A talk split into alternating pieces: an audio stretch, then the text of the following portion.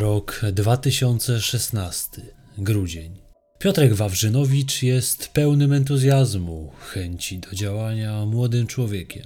Mieszka w Świnoujściu. W roku 2016 ma 19 lat. Zawsze jest uśmiechnięty, choć ma w życiu trudniej niż większość jego rówieśników. Jest niepełnosprawny ruchowo. Urodził się z dziecięcym porażeniem mózgowym. Ma jedną rękę i nogę krótszą. Ale on nie ma zamiaru użalać się nad sobą, tylko czerpie z życia ile się da. Nie chce, by uważano go za nieporadnego. Jest ambitny. Jego marzeniem jest w przyszłości zostać prawnikiem. Nie miał zamiaru pozostawiać tej kwestii w sferze marzeń. Zrobił poważny krok, by jego marzenie się ziściło. Po zdanej maturze poszedł na studia prawnicze. W 2016 roku był studentem prawa na pierwszym roku. Ojciec Piotra jest marynarzem, zatem często nie ma go w domu. Chłopak studiował w Szczecinie i tam mieszkał na co dzień. Na święta wrócił do domu. 29 grudnia po południu Piotr oglądał telewizję. Nagle zadzwonił telefon. Po jego odebraniu nagle wstał, ubrał się i wyszedł. W mieszkaniu był wówczas tylko on i jego matka. Ojciec znów był na morzu. Nie powiedział, dokąd się udaje. Nie pojawił się na kolacji, choć nie zdarzało mu się do tej pory znikać w taki sposób. Pani Małgorzata, matka Piotra, była bardzo zaniepokojona. Około godziny 18.30 próbowała się dodzwonić na telefon Piotrka. Ten jednak nie odbierał. Po kilku próbach zaczynała się obawiać, że coś mu się mogło stać. Dzwoniła po znajomych syna, by dowiedzieć się, gdzie on jest. Niestety nikt nie potrafił udzielić jej żadnej konkretnej odpowiedzi, która mogłaby ją uspokoić. Nazajutrz, 30 grudnia, w mieszkaniu przy ulicy Matejki 37 zostają odnalezione zwłoki młodego mężczyzny. Jest to blok znajdujący się zaledwie kilkaset metrów od mieszkania państwa Wawrzynowiczów. Służby otrzymały informację, że wewnątrz jednego z lokalów mieszkalnych znajduje się człowiek, który może potrzebować pomocy. Przybyła na miejsce służba medyczna, zadzwoniła po straż, by dostać się do środka. Okazało się, że wewnątrz leżał skatowany mężczyzna. Na pomoc było już za późno. Do pani Małgorzaty zadzwonił kolega jej syna, by poinformować ją o tym wydarzeniu. Uspokajał ją jednak, twierdząc, że chyba był to ktoś starszy. W tym momencie w głowie kobiety pojawiły się czarne myśli. Zadzwoniła na policję, by dowiedzieć się czegoś na temat znalezionego ciała. Zapytała o to, jak był ubrany martwy mężczyzna. Tym samym upewniła się, że były to zwłoki jej dziewiętnastoletniego syna. Jak doszło do śmierci Piotra Wawrzynowicza? Stan, w jakim znajdowało się ciało, wskazywał, że doszło do zabójstwa, a zanim ofiara zginęła, była torturowana. Ciało było pokryte mnóstwem ran. Kimkolwiek byli sprawcy, przez długie godziny bili, a także wielokrotnie podduszali młodego mężczyznę. Śmierć zadano przy użyciu noża. By wyjaśnić wszystkie okoliczności, należało dotrzeć do sprawców zabójstwa. Tydzień później udaje się policji dotrzeć do dwójki mężczyzn zamieszanych w śmierć Piotrka. Jednak nie tylko oni brali udział w zabójstwie. Trzeci mężczyzna sam zgłosił się na policję. Zatrzymani to Grzegorz P., Grzegorz N., a także Artur P., młodszy przyrodni brat Grzegorza P. Na wolności pozostaje jednak jeszcze jeden mężczyzna. Jest nim 26-letni wówczas Paweł Włodarczyk. Z zeznań zatrzymanych wynika, że jest on mózgiem grupy, która dopuściła się tego bestialstwa. Wystawiony zostaje za nim list gończy. Wyznaczono nagrodę w postaci 30 tysięcy złotych dla osoby, która pomoże ustalić miejsce pobytu poszukiwanego. Cała czwórka mężczyzn jest słabo wykształcona. Trzech z nich nie wyszło ponad poziom gimnazjum. Tylko jeden ukończył szkołę zawodową. Każdy z nich ma dzieci. Nie mają stałego miejsca zatrudnienia. Utrzymują się z prac dorywczych, a większe pieniądze zdobywają w mniej legalny sposób. Pogrzeb Piotra Wawrzynowicza odbył się 10 stycznia 2017 roku. Udział w nim wziął jego 7 lat starszy brat, Paweł. Oczywiście to nic dziwnego, jednak nie podaje tej informacji bez przyczyny. Otóż brat Piotra został doprowadzony na pogrzeb z więzienia, w którym od dwóch lat odsiadywał wyrok za przestępstwa narkotykowe.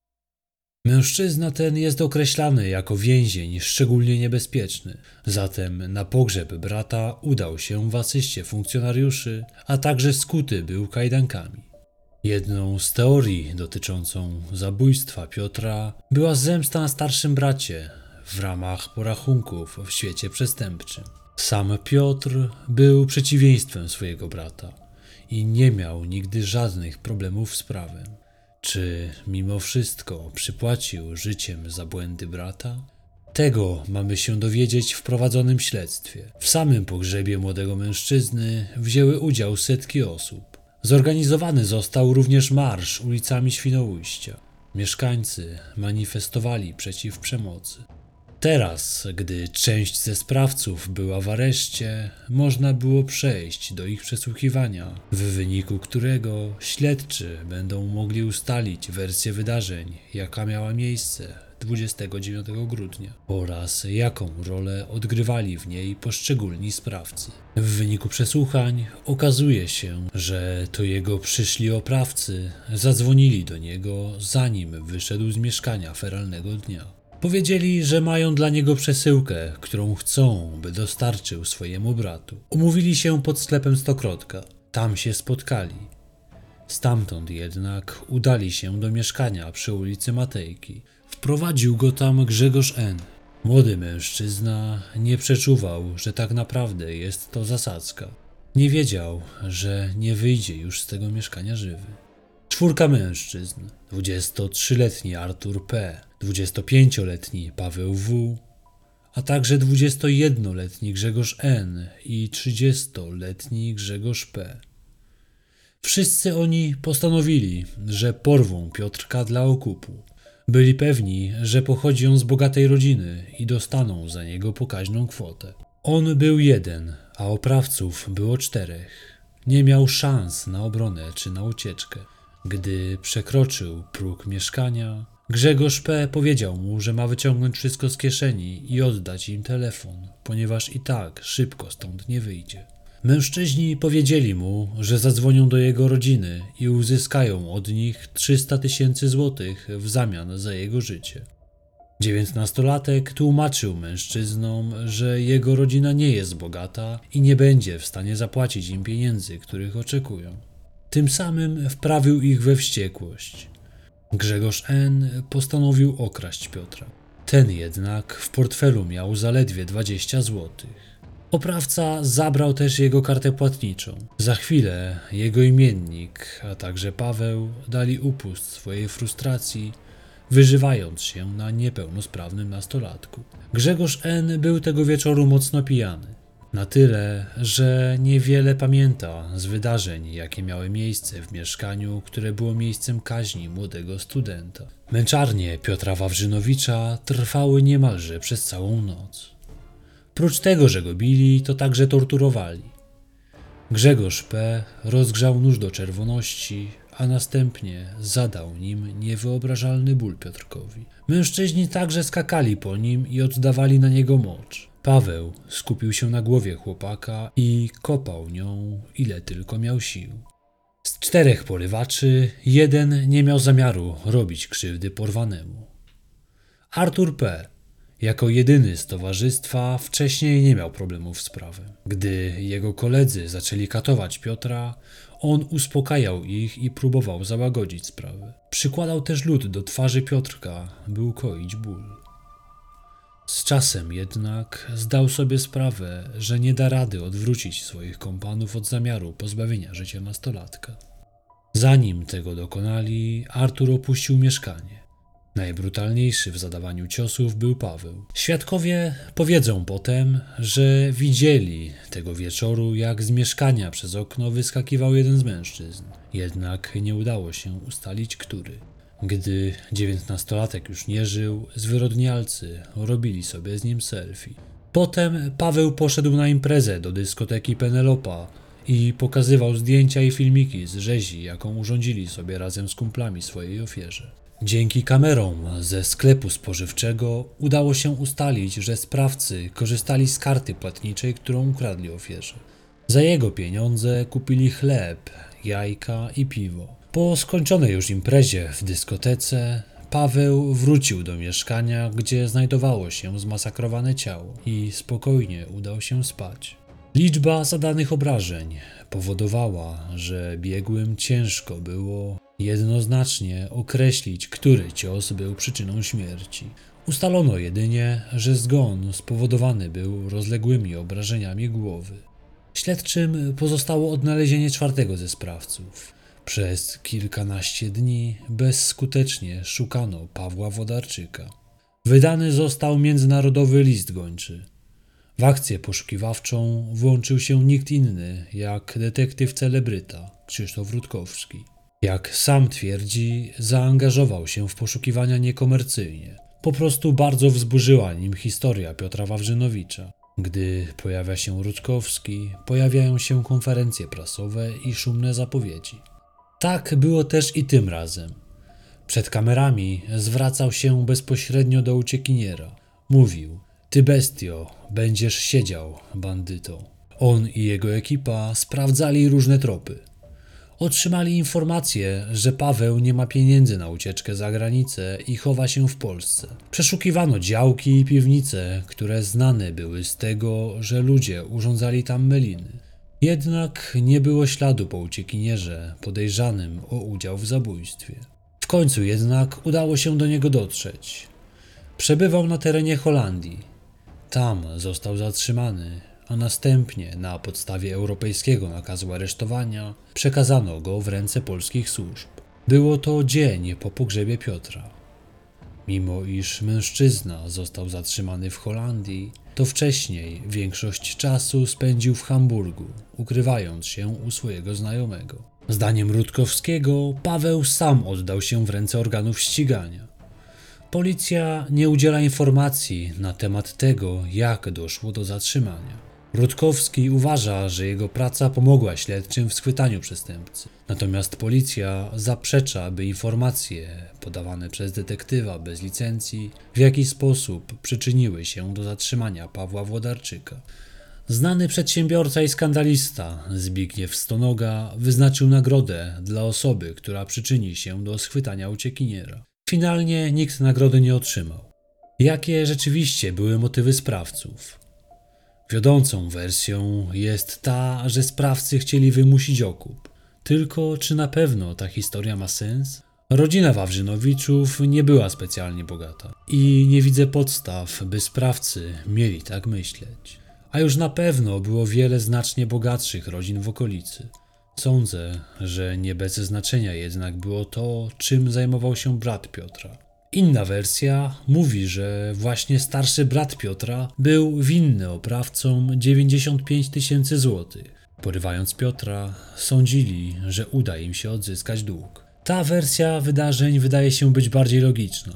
Siedzący w więzieniu Paweł zamieszany był w handel narkotykami. W tej branży nie trudno jest zadrzeć z niewłaściwymi ludźmi. To Grzegorz P. miał wpaść na pomysł, by porwać nastolatka i w ten sposób odzyskać pieniądze, które wtopił na interesie, jaki polecił mu Paweł Wawrzynowicz. Obaj mężczyźni znali się od dawna. Wspólnie jeździli na kradzieże do Niemiec, a także razem siedzieli w biznesie narkotykowym. Byli dobrymi znajomymi i pomagali sobie. Paweł wpadł na pomysł, by Grzegorz otworzył biznes. Chodziło o handel przez internet. Sam mężczyzna, który miał rozpocząć działalność, nie potrafi powiedzieć, na czym dokładnie miała ona polegać. W każdym razie Paweł zapewniał go, że w ten sposób uda mu się zarobić 100 tysięcy złotych. Jedyne, co miał zrobić Grzegorz, to założyć działalność gospodarczą i otworzyć konto w banku. Tak też zrobił. Jednak obiecywany zysk się nie pojawił. Zamiast 100 tysięcy było tylko 5. Mężczyzna czuł się oszukany i chciał się odegrać na rzekomo dobrym znajomym. Wtedy właśnie wpadł na pomysł, jak zdobyć upragnione pieniądze. Porwanie miało zagwarantować, że Paweł odda Grzegorzowi to, co jego zdaniem mu się należało. Taka wersja wydarzeń faktycznie mogła mieć miejsce. Teraz zastanówmy się nad tym, jak to się stało, że pogotowie ratunkowe zostało zawiadomione o tym, że w mieszkaniu znajdował się skatowany młody mężczyzna. Sąsiedzi twierdzą, że nic nie słyszeli. Żaden z nich nie dzwonił na numer alarmowy. Jedna z sąsiadek powiedziała, że sprawcy musieli zakneblować Piotrowi usta, bo w innym przypadku na pewno usłyszałaby krzyki torturowanego chłopaka. Okazuje się jednak, że osobą, która zadzwoniła po karetkę, był Grzegorz N., którego ruszyło sumienie. Najprawdopodobniej sądził, że Piotra da się jeszcze uratować. W momencie wydarzeń był bardzo pijany i nie do końca pamiętał, co tam się wydarzyło. Śledztwo w sprawie zabójstwa Piotra Wawrzynowicza zostało zakończone w grudniu 2017 roku. Akt oskarżenia w tej sprawie został wniesiony również przeciw kobiecie, Małgorzacie N., która nie brała bezpośrednio udziału w śmierci Piotra. Ale miała ona swój inny udział. Nie udzieliła mężczyźnie pomocy oraz tuszowała ślady zbrodni. Kobieta jest siostrą Grzegorza N. Zdaniem śledczych miała ona sposobność, by nie narażając swojego życia, pomóc nastolatkowi. Z jej zeznań wynika, że około godziny 21 pojawiła się w mieszkaniu. Tam zastała totalną demolkę. Na ziemi leżał cały zakrwawiony Piotrek. Przyznała, że znała chłopaka wcześniej, ale był w takim stanie, że nie rozpoznała go. W tym momencie z pewnością jeszcze żył. Do rozprawy miało dojść rok po dokonaniu zabójstwa. Jednak na rozprawie nie stawił się adwokat kobiety. Z tego względu została ona odroczona, a adwokat został ukarany karą finansową w wysokości 5 tysięcy złotych. Artur P. został oskarżony o porwanie oraz o wymuszenie rozbójnicze. Za te zarzuty groziło mu 10 lat pozbawienia wolności. Pozostała trójka za porwanie i zabójstwo ze szczególnym okrucieństwem zagrożona była nawet dożywotnim pozbawieniem wolności. Małgorzacie groziło 5 lat więzienia. Trzej mężczyźni, którzy brali udział w bestialskim zamordowaniu Piotra, wcześniej byli wielokrotnie karani za przestępstwa przeciw imieniu, za kradzieże i za posiadanie narkotyków, a także handlowanie nimi. Ich liczby naprawdę robią wrażenie. Najstarszy z nich, czyli Grzegorz P., w ciągu 30 lat życia skazywany był już dwudziestokrotnie. Drugie miejsce pod tym względem zajmował Paweł W. On skazywany był do tej pory 11 razy.